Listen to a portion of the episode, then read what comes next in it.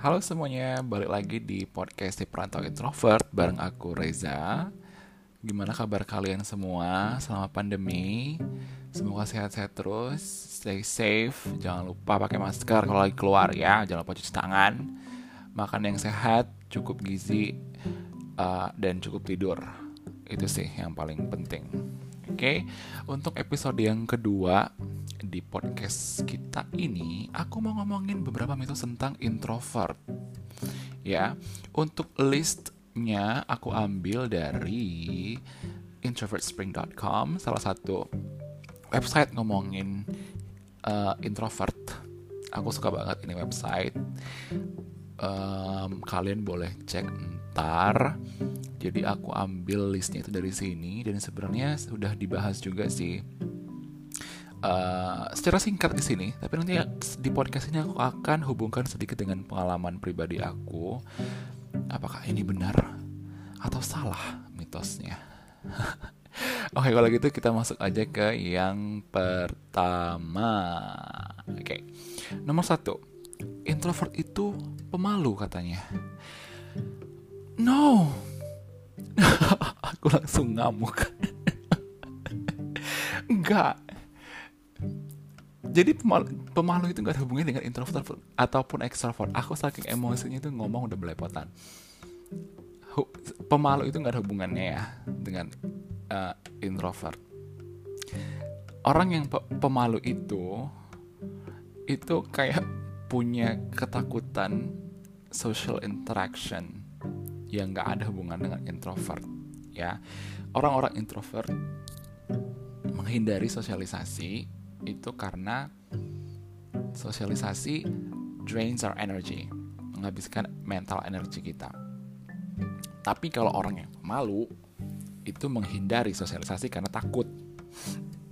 Bukan gara-gara itu menghabiskan energi mereka. Jadi introvert dan extrovert itu bisa sama-sama dua-duanya bisa jadi pemalu. Oke? Okay? Are we clear here? kayak aku juga ya aku juga orangnya tidak tidak tahu malu malahan orangnya. Dan aku introvert gitu.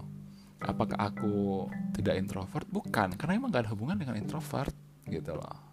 Oke kita lanjut ke yang nomor dua. We don't like people. Um no kita suka manusia dan aku juga butuh keluarga butuh teman-temanku gitu. Kita itu suka people as much as extroverts do. Ya bedanya orang-orang introvert itu lebih mementingkan kualitas daripada kuantitas ketika ngomongin interaksi sosial. Kita tuh lebih lebih suka um, apa intimate gatherings daripada party gede yang kebanyakan orangnya nggak kita kenal gitu loh. Jadi kita tuh lebih suka kayak acara ulang tahun yang isinya orang-orang yang kita kenal dan jumlahnya juga eh, nggak uh, terlalu banyak daripada kayak kondangan. Kondangan gede yang mungkin 98% orangnya nggak nggak kita kenal gitu loh. Ya. Uh, dan ketika kita kok kalau udah temenan sama orang we are kita tuh loyal dan um, apa we consider them as a true friends. Gitu loh. Nomor tiga. We have what? Kita dibilang punya social skills yang jelek. Hmm, enggak introvert itu cukup cukup lebih dari cukup mampu untuk mengembangkan kemampuan sosialnya ya. Dan even di website ini bilang um, we can be so charming sometimes. Dan kita bisa beradaptasi dengan cepat dan saking kita charming dan bisa adaptasi dengan cepat orang-orang mengirain gitu kita extroverts gitu itu nggak ada hubungan dengan introvert ya. Masalah kemampuan sosial yang jelek nggak ada hubungan dengan introvert ataupun extrovert gitu. Nomor empat. Kita dibilang nggak punya ide-ide ataupun uh, apa sih ide-ide yang valuable, ide-ide yang berarti, ide-ide yang bermakna, yang bernilai. Again, gak ada hubungannya ini dengan introvert. Ya, kita itu gini loh, karena kita sering di kita, kita tuh sering sendirian, sering gak ngomong, jadi dikira itu kita bego. Banyak loh yang ngomong gitu, Ih gak pernah ngomong bego deh gitu. Kadang itu ini sih kedengeran orang-orang melontarkan hal-hal yang semacam itu. The thing is, we don't feel the need to verbalize all of our thoughts and ideas as many extroverts do. Kita tuh nggak merasa nggak perlu segala yang ada di kepala ini semua harus dicurahkan dalam bentuk kata-kata. No, no, honey, no, ya. Yeah. Um, itu satu. Yang kedua, ya kadang-kadang memang hmm, kita tuh lebih nutup, milih untuk nutup apa nggak ngomong. Karena uh, buat beberapa orang susah sih untuk mengekspresikan diri mereka dalam bentuk kata-kata gitu. Lagi-lagi uh, introvert itu butuh waktu untuk mikir dulu baru ngomong. Kita tipenya mikir dulu baru ngomong gitu. Yang sering kali percakapan itu jalannya lebih cepat daripada jalannya apa proses ketika uh, kita lagi proses apa yang ingin kita sampaikan gitu. Jadi kalau di sini dia bilang sih man, um, many conversations move too swiftly for us to keep up. Jadi kita tuh kayak susah untuk keep up gara-gara eh ini kelompok kita misalkan dalam ada diskusi kelompok ini kelompok udah ngomongin C kita masih mikirin A. Bukan karena kita bego tapi kita itu tipe yang semua dipikirin. Nggak penting juga dipikirin gitu. Makanya dikira lemot. Gitu. Kok jadi emosi ya? Maafkan oke okay, nomor 5 kita tuh selalu pengen sendirian. Enggak again seperti yang nomor 4 tadi ya. Eh nomor berapa tadi itu? Nomor 3 enggak. Aku tetap butuh teman-temanku untuk curcol ya untuk hahaha kongko duduk-duduk uh, chill di cafe atau makan di resto bareng. Aku masih butuh itu gitu. Masa ya emang sih um, betul introvert butuh waktu sendiri lebih banyak daripada extrovert. Tapi itu kan berarti kami para kaum introvert pengen sendirian all the time. All the time 24/7 no. Kita juga butuh uh, intimacy dengan sekelompok maaf ya kalau kedengaran ada suara guntur. Ini aku lagi rekaman. Lagi hujan soalnya. Maafkan ya. Ini betul-betul rekamannya ini sih random. Aku lagi gabut. Jadi ya udah aku bikin podcast. Oke okay, maaf tadi kepotong. Kita tuh butuh intimasi juga dengan orang-orang yang orang-orang terdekat kita dan memang circle kita itu memang lebih kecil daripada kebanyakan orang-orang ekstrovert gitu. Ya dan uh, satu hal yang pasti adalah kami ini kaum kaum introvert tidak imun tidak imun sama yang namanya kesepian. Kita walaupun suka sendiri kadang juga merasa kesepian. Kadang ya tolong digaris bawahi kadang kadang juga bisa kesepian. Kalau kalau kita sendirian terlalu lama gitu. Istilahnya adalah kita udah recharge nih baterai udah penuh tapi nggak tahu mau dikemanain. Gitu loh. Ya. Oke nomor 6 orang-orang introvert itu nggak asik. Oh I feel offended. Um, oke okay. introvert itu cenderung uh, habis energinya oleh aktivitas yang orang-orang ekstrovert rasa yang yang dirasa asik sama anak-anak ekstrovert. Misalkan ada party gede gitu it, itu bukan it's not a thing. Tapi buat anak-anak ekstrovert itu seru gitu ya. Um, kemudian um, apa lagi misalkan yang mungkin diasosiasikan dengan anak-anak ekstrovert kegiatan-kegiatan yang memicu adrenalin tuh misalnya Well, aku juga suka kegiatan-kegiatan yang memicu adrenalin. Aku suka roller coaster, aku suka dan salah satu keinginanku yang masih belum tercapai adalah bungee jumping sama skydiving. Hello, aku introvert dan aku pengen nyoba skydiving dan bungee jumping. Are you gonna say I'm no fun? Of course not, karena emang gak ada hubungannya ya dengan introvert. Gitu. Kemudian di sini dia, dia juga jelasin sih introvert itu suka traveling adventure um, joget-joget gak jelas gitu. And be merry but we do so in our own introverted way. Yes aku kalau um, traveling cenderung lebih suka traveling sendirian sih sejujurnya. Tapi itu pun kalau aku bilang bukan alasan introvert sih. Itu lebih karena uh, aku bisa bebas dalam mengatur itinerary aku gitu kan. Dan aku kalau bebas mau aku mau ke sini aku mau ke sana tanpa harus mikirin teman-teman satu grup yang apa teman-teman satu grup traveling gitu. Karena kan kalau bareng uh, si ini pengen ke sini si ini pengen ke sini aku pengen ke sini gitu loh. Kan ribet ya. Gitu. Jadi nomor 6 gak ada hubungannya ya. Itu tuh asik gak asik tuh gak ada hubungan dengan introvert dan extrovert. Banyak orang-orang extrovert yang gak asik. Trust me. Nomor 7 we are depressed.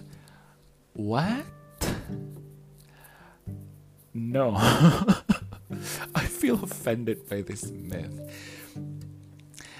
uh, keinginan kita anak-anak introvert untuk sendirian itu di ang, disalah tafsirkan oleh orang-orang sebagai tanda depresi. Jadi gini ya, ketika introvert itu menarik diri ke dunianya mereka sendiri, ke dunia kesendirian mereka itu, itu bukan karena mereka itu bukan karena kita depresi satu ya. Itu karena kita perlu kita lagi perlu recharge intinya. Kita lagi perlu recharge jadi kita disconnect dari dunia luar. Nah um, banyak memang yang menganggap kelamaan sendirian gitu misalkan seharian di rumah gitu kan di rumah ngapa-ngapain udah dikira depresi Oke, okay, jadi aku jadi ingat gini nih. Aku jadi ingat. Aku uh, ceritain dikit mengenai pengalaman pribadi. Aku kalau pulang ke rumah nih misalnya ya, pulang ke sedempuan, itu bisa seharian di rumah, berhari-hari di rumah. Sampai mama itu ngomong ya, nggak bosan di rumah terus gitu. Keluar kayak ngapa kayak gitu. Ka kamu yang di rumah, mama yang ini capek ngeliatnya mama bilang gitu. Seriously, emang begitu aku tipenya. Dan tapi tapi ya kalau aku udah keluar mampir mama hampir ribut. Kamu keluar tuh nggak tahu pulang. Ya aku mau menghabiskan energi mentalku mau gimana gitu loh. Bateraiku udah penuh masa penuh terus gitu loh iya kayak handphone emangnya handphonemu itu udah di charge penuh nggak dia papain dipakai kan gitu loh. Sama kayak kita introvert juga baterai kalau udah penuh tuh perlu di, di, di ini disalurkan di di di keluar di apa sih dipakai energinya gitu jadi mama suka komplain tuh kalau misalnya aku jadi serba salah sih. Aku kelamaan di rumah disuruh keluar. Aku udah keluar pasti lama pulangnya. Ya namanya aku mau ngabisin energi mental yang sudah lama aku charge gitu loh. Ya enggak sih? Oke, okay, nomor mana tadi kita nomor 7 ya? Sekarang nomor 8 dia bilang introverts itu minoritas. Aku kurang tahu sih ya. Cuman kalau dari orang-orang yang ku tahu banyak juga sih orang-orang introvert di sekitarku. Jadi aku nggak pernah merasa berpikir bahwa um, orang-orang introvert itu adalah kaum kaum minoritas. Enggak. Di website ini sih dia bilang hmm, introverts itu di, uh, kira-kira range-nya 25 sampai 40 40% dari total populasi dunia. Ya, mm, ya well masih lebih sedikit lah daripada extrovert mungkin ya. Kalau kalau dibilang persentasenya seperti ini berarti memang belum apa ya belum bisa dibilang mayoritas. Tapi ya ini informasi baru juga sih buat aku. Ternyata introvert itu uh, make up between 25 sampai 40 persen dari total populasi. Hmm, tapi aku kok ada informasi menarik sih dari sini yang dia bilang adalah um, mungkin kebanyakan orang-orang merasa introvert itu adalah kaum minoritas karena banyak orang-orang introvert yang jago menyamar jadi dikira ekstrovert. Contohnya aku dulu sebelum kenal istilah dulu waktu aku sangat-sangat shallow yang aku tahu bahwa introvert itu anak pemalu dan anak ekstrovert itu yang bisa bergaul dan teman-temanku juga mikirnya kayak gitu aku merasa bahwa aku adalah anak ekstrovert. Ternyata setelah aku tahu mengenai konsep introvert ekstrovert yang sebenarnya aku langsung ya oke okay, aku adalah introvert gitu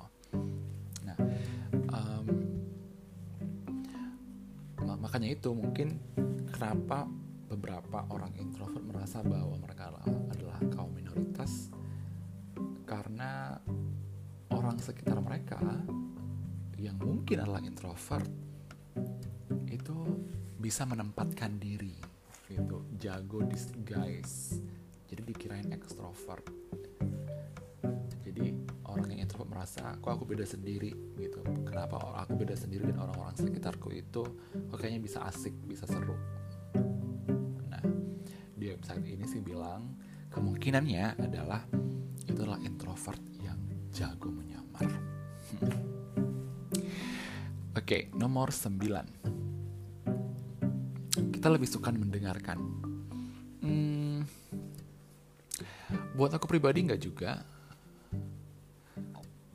karena memang betul ngomong itu perlu mental energi yang lebih besar daripada hanya hanya sekedar mendengarkan. Benar bahwa kita cenderung pengen dengerin aja daripada ngomong. Tapi bukan berarti, bukan berarti introvert itu selalu mau mendengarkan. Kita introvert juga seneng ngomong yang kalau ngomong bisa nggak bisa diem. Ngerocos panjang lebar. Dan itu biasanya tentang passion kita apa yang kita suka apa yang kita senengin gitu. Jadi buat teman-teman ekstrovert nih ya kalau misalkan ada teman yang jarang ngomong coba deh di ini dipancing gitu. Karena banyak juga anak-anak ekstrovert eh, anak-anak introvert yang sebenarnya pengen ngomong cuman ngerasa kayak nggak dikasih kesempatan untuk ngomong gitu. Coba deh dipancing teman-teman intro introvertnya kalau lihat ini kayaknya anak-anak ini ada tendensi introvert nih gitu. Coba aja ajak ngomong aja tanya sukanya apa biarin dia ngomong. Biarin dia menunjukkan sisi yang lain dari dirinya gitu kan.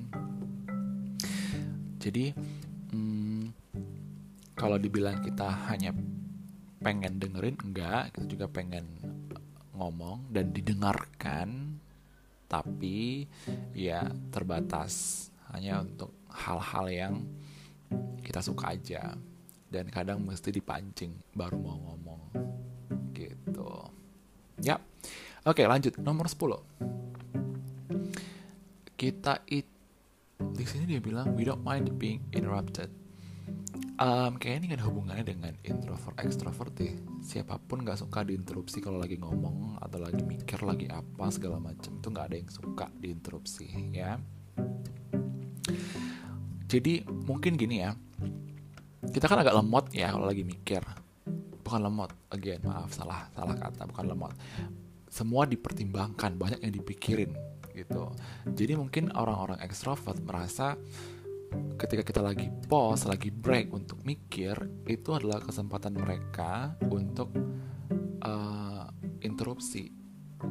Atau mungkin oh ini orang kayaknya udah nggak mau ngomong lagi oke kita move on gitu. Enggak. Ini saran juga sih buat teman-teman ekstrovert. Misalkan ada diskusi kelompok berilah kesempatan untuk teman-teman. Kalau dari kita lihat nih kayaknya ini orang mesti di, dipancing nih baru ngomong. Atau uh, ini orang kayaknya kalau ngomong mesti ada jeda dulu. Ada waktu untuk mikir dulu. Ya udah.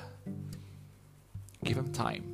Kasih waktu untuk mikir gitu. Dan tanya udah selesai belum? Ada lagi yang mau ditambahkan? Gitu. Jangan langsung main nyerocos aja. Gitu. Ini kadang terjadi suka terjadi di FGD FGD ini yang aku perhatiin sih di FGD yang suka dominasi mendominasi itu ngomong nyerocos nggak mau ngomong nggak ngasih kesempatan buat orang lain. Jadi um, berilah kesempatan buat teman-teman introvert kita terutama buat orang-orang introvert yang kemampuan komunikasinya masih kurang yang dia harus dikasih waktu dulu untuk merangkai kata-kata berilah kesempatan untuk berpikir dulu kemudian ngomong gitu ya. Oke nomor 11 waduh ini lumayan banyak juga nulisnya ya. Nomor 11 kita ini dibilang introvert ini dibilang rude songong. Jadi oke okay, aku aku aku tuh kayak yang baca ini kayak yang aku harus jeda sebentar karena ini benar, ini terjadi juga sama aku. Jadi orang-orang menganggap karena kita nggak suka obrolan-obrolan kecil, small talk, dan kita itu nggak selalu pengen stay di party dari awal sampai itu berakhir, kita tuh dibilang songong gitu. Kembali lagi, kita tuh bisa ngomong, tapi kita itu lebih suka ngomong kualitas over kuantitas. Kalau nggak penting nggak usah ngomong lah gitu istilahnya. Dan kita juga kalau ke party itu kayak yang sekedar aja. Kita ketemu ke party saya hi sama hostnya yang ngadain party hahaha sebentar. Abis itu harus pulang karena kita harus recharge energi. Yang mungkin itu buat sebagian orang kayak yang ini orang apa sih? Masa ke datang cuma setengah jam terus pulang gitu jadi kita di, di, dianggap tidak tahu tata krama dalam bersosialisasi. Kemudian masalah tadi small talk. Kita saya emang gak suka obrolan-obrolan kecil yang gak penting gitu loh. Ya, ya kalau dibilang gak penting sih kasar juga sih memang. ya makanya dibilang dianggap itu tuh rude gitu, kasar, kayak nggak tahu tata krama dalam bersosialisasi. Kita tuh mau maunya ngomongin yang bukan hanya level surface level permukaan aja gitu. Suka yang deep thought conversation gitu. Jadi memang akhirnya salah artikan sama orang-orang bahwa kita ini orang yang songong. Iya apaan sih? Gitu doang gitu. Jadi gini um, oke okay, aku inilah sambil baca dan aku agak-agak ini sih um, aku ngekeh sendiri nih di sini dibilang kenyataannya adalah kebanyakan budaya ataupun etiket dalam bersosialisasi itu didesain oleh dan untuk ekstrovert. well, maybe, I don't know. Ya kayak kayak misalkan memulai percakapan dengan small talk, ya mungkin begitulah tata tata ininya ya apa sih kayak istilahnya step-step untuk ngomong dengan orang yang baru kita kenal gitu. Saya hi dulu, kemudian apa how are you lah, apakah how's the weather lah gitu-gitu, bagaimana cuaca. Jadi aku masih ngek. Jadi itu bukannya kita songong, tapi emang kita lebih suka ngomongin hal-hal yang ya ya kita langsung ngomongin yang ini aja sih yang kamu sukanya apa aku sukanya apa mari kita diskusikan gitu. Nggak usah kita ngomong small talk atau um, misalkan aku kalian undang aku ke, ke pesta kemudian aku hanya datang setengah jam dan nggak sampai acaranya selesai don't take it personally I just need to recharge ya. Karena hal-hal yang begitu bikin capek melelahkan sejujurnya sip. Oke okay. ya lanjut. Nomor 12 Introvert itu pengen sendiri karena mereka gak suka kalian.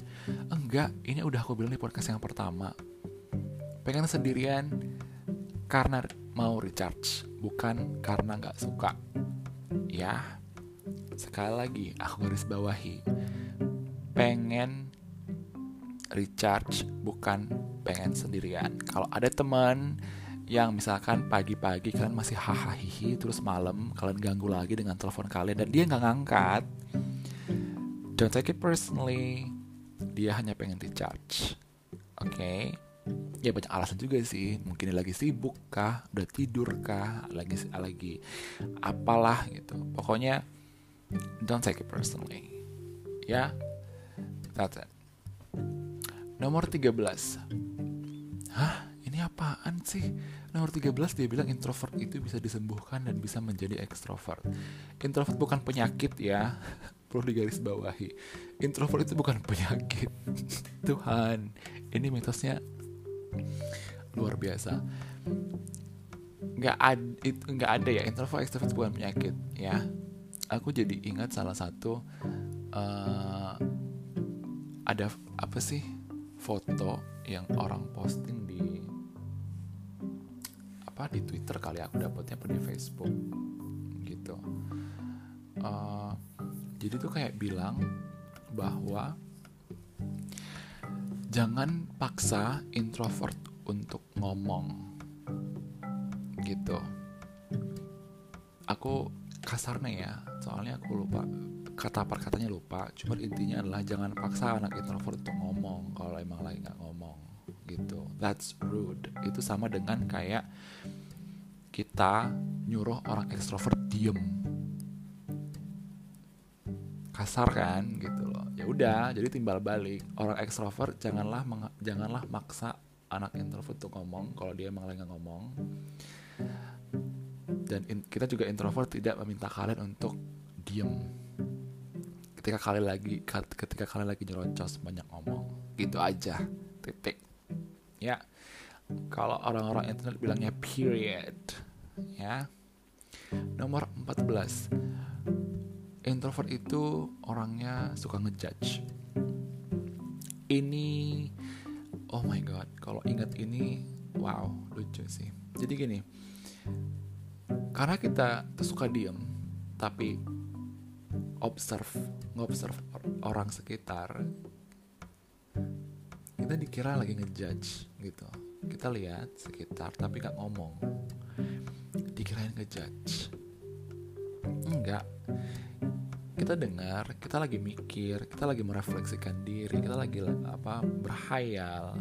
Kemudian kayak ada skenario skenario sinting di kepala kita yang stres juga sih kadang. Itu kayak otak nggak bisa di nggak nggak bisa stop gitu.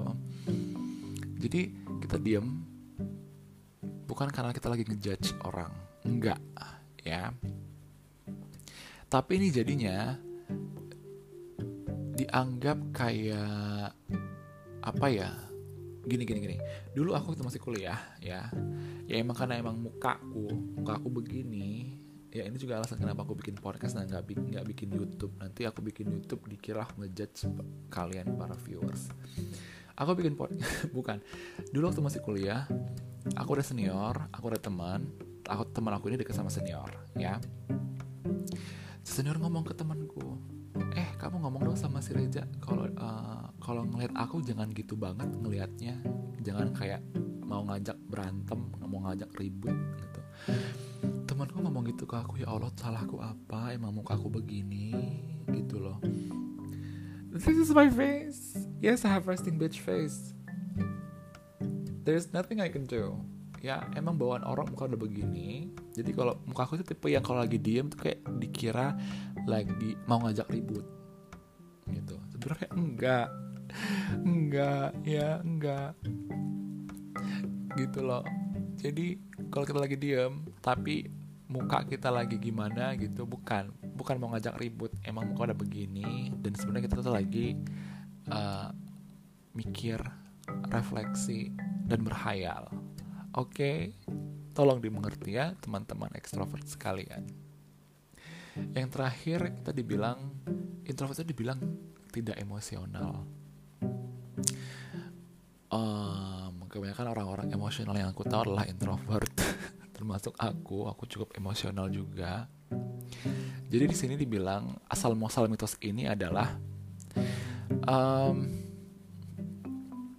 introvert itu punya kesulitan untuk faking um, antusi antusiasme mereka.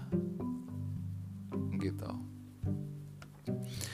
Jadi tuh kayak gini kita tuh kayak kita ngomongin skala ya ngomongin skala. Kita ngomongin skala kalau orang introvert itu ketika dia lagi seneng muka antusiasnya nggak ada.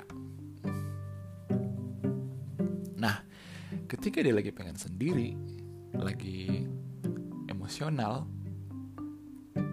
karena keseringan sendiri dan gara-gara orang udah melihat kita udah menganggap kita tuh kayak depresi jadi ngebedain kita lagi sedih itu juga susah.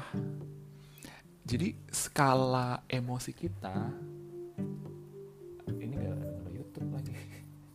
Eh gak ada YouTube. Ini cuma podcast ya jadi nggak bisa dibikin kayak model skala gitu. Tapi aku akan aku jelaskan agar kalian para pendengar juga bisa ngerti. Ibarat skala antusias dan lagi sedih misalkan. Kalau orang introvert. Ya tadi kan dia bilang introvert itu punya kesulitan untuk faking antusias. Um, satu gini ketika misalkan introvert lagi antusias gitu dia tuh nggak yang wow gitu antusiasnya kayak orang ekstrovert yang mungkin lompat-lompat teriak-teriak gitu. Kalau lagi uh, antusias lagi seneng gitu kan begitu juga ketika seorang introvert lagi sedih misalnya. Nah, kalau orang ekstrovert kan karena dia memang butuh orang lain, ya bukan butuh ya, apa dia mencari exposure ke dunia luar. Ketika dia sedih itu kayak nyari um, apa? Nyari teman curhat lah atau dia tunjukkan, dia tunjukkan gitu ke dunia luar bahwa dia sedih. Sedangkan orang introvert enggak, dia tuh sedih depresi ya dia tarik ke dirinya sendiri. Jadi tuh nggak terlalu keluar nggak terlalu kelihatan. Nah gara-gara tadi gara-gara tadi antusias kagak sedih kagak jadi dikira tidak emosional. Gitu. Padahal dia emosional dia antusias. Dia juga bisa sedih. Cuman apa yang terekspos ke dunia luar itu tidak seperti apa yang dia rasakan berbeda dengan orang-orang ekstrovert. Kalau orang extrovert lagi seneng lagi seneng tuh happy tepuk tangan lompat-lompat kayak orang gila gitu kan teriak-teriak. Kemudian kalau lagi sedih nah kontras banget kan ketika lagi senang teriak-teriak terus lagi sedih terus diem kelihatan kan kontrasnya. Kalau sama introvert nggak kelihatan kontrasnya. Karena antusias dan lagi sedih ada sih pasti bedanya cuman tidak terlalu tidak sekontras uh, extrovert ketika menunjukkan emosi mereka. Istilahnya kalau ekstrovert antusias skor 100, lagi sedih skor 0. Kalau buat introvert itu bisa dibilang let's say antusias skornya 25. Kemudian lagi sedih skornya 0. Bayangin 0 ke 100 dengan 0 ke 25. Gitu. Jadi nah akhirnya bisa aku jelaskan ya Allah tanpa harus bikin editan-editan video di YouTube. Gitu ya dapat ya. Aku coba jelasinnya tadi kayak gitu. Kenapa kita di introvert dikira tidak emosional? Karena skala range emosi kita dianggap dianggap oleh dunia luar apa yang dipersepsikan orang dari luar luar melihat kita itu lebih kecil daripada apa yang di-expose, apa yang ditunjukkan oleh teman-teman kita yang ekstrovert. Begitu. Oke. Ini listnya udah habis. Wow, cukup panjang juga sih untuk episode kita yang nomor 2 ini. Buat teman-teman yang mau yang merasa di apa sih salah interpretasi oleh dunia luar ataupun orang-orang terdekat, kalian bisa buka introvertspring.com. Tidak, ini tidak disponsori ya. Emang aku ini salah satu ini gue sih website favorit aku untuk belajar lebih mengenai diri sendiri. Dan ini juga ada ada apa bagian diskusinya, forumnya. Silahkan kalian buka untuk bisa belajar lebih lagi mengenai diri kalian sebagai seorang introvert. Oke, jadi untuk hari ini sekian dulu. Kita akan ketemu lagi minggu depan pastinya di topik lain yang gak akan jauh-jauh dari introvert gitu. Oke. Okay? Stay safe, stay healthy, jangan lupa pakai masker kalau lagi keluar, jangan lupa cuci tangan, jangan lupa makan yang sehat dan istirahat yang cukup. Alright, bye bye.